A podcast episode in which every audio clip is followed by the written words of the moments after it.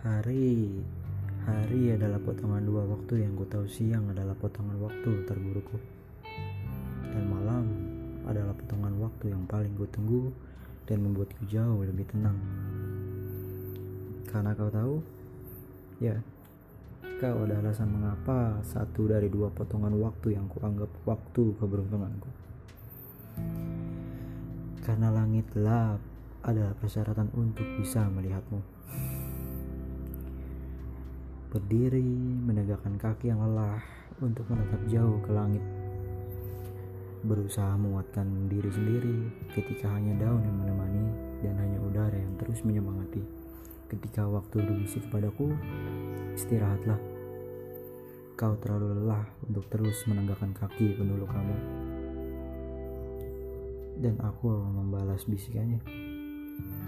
Kau tahu waktu, aku tak akan pernah menyerah.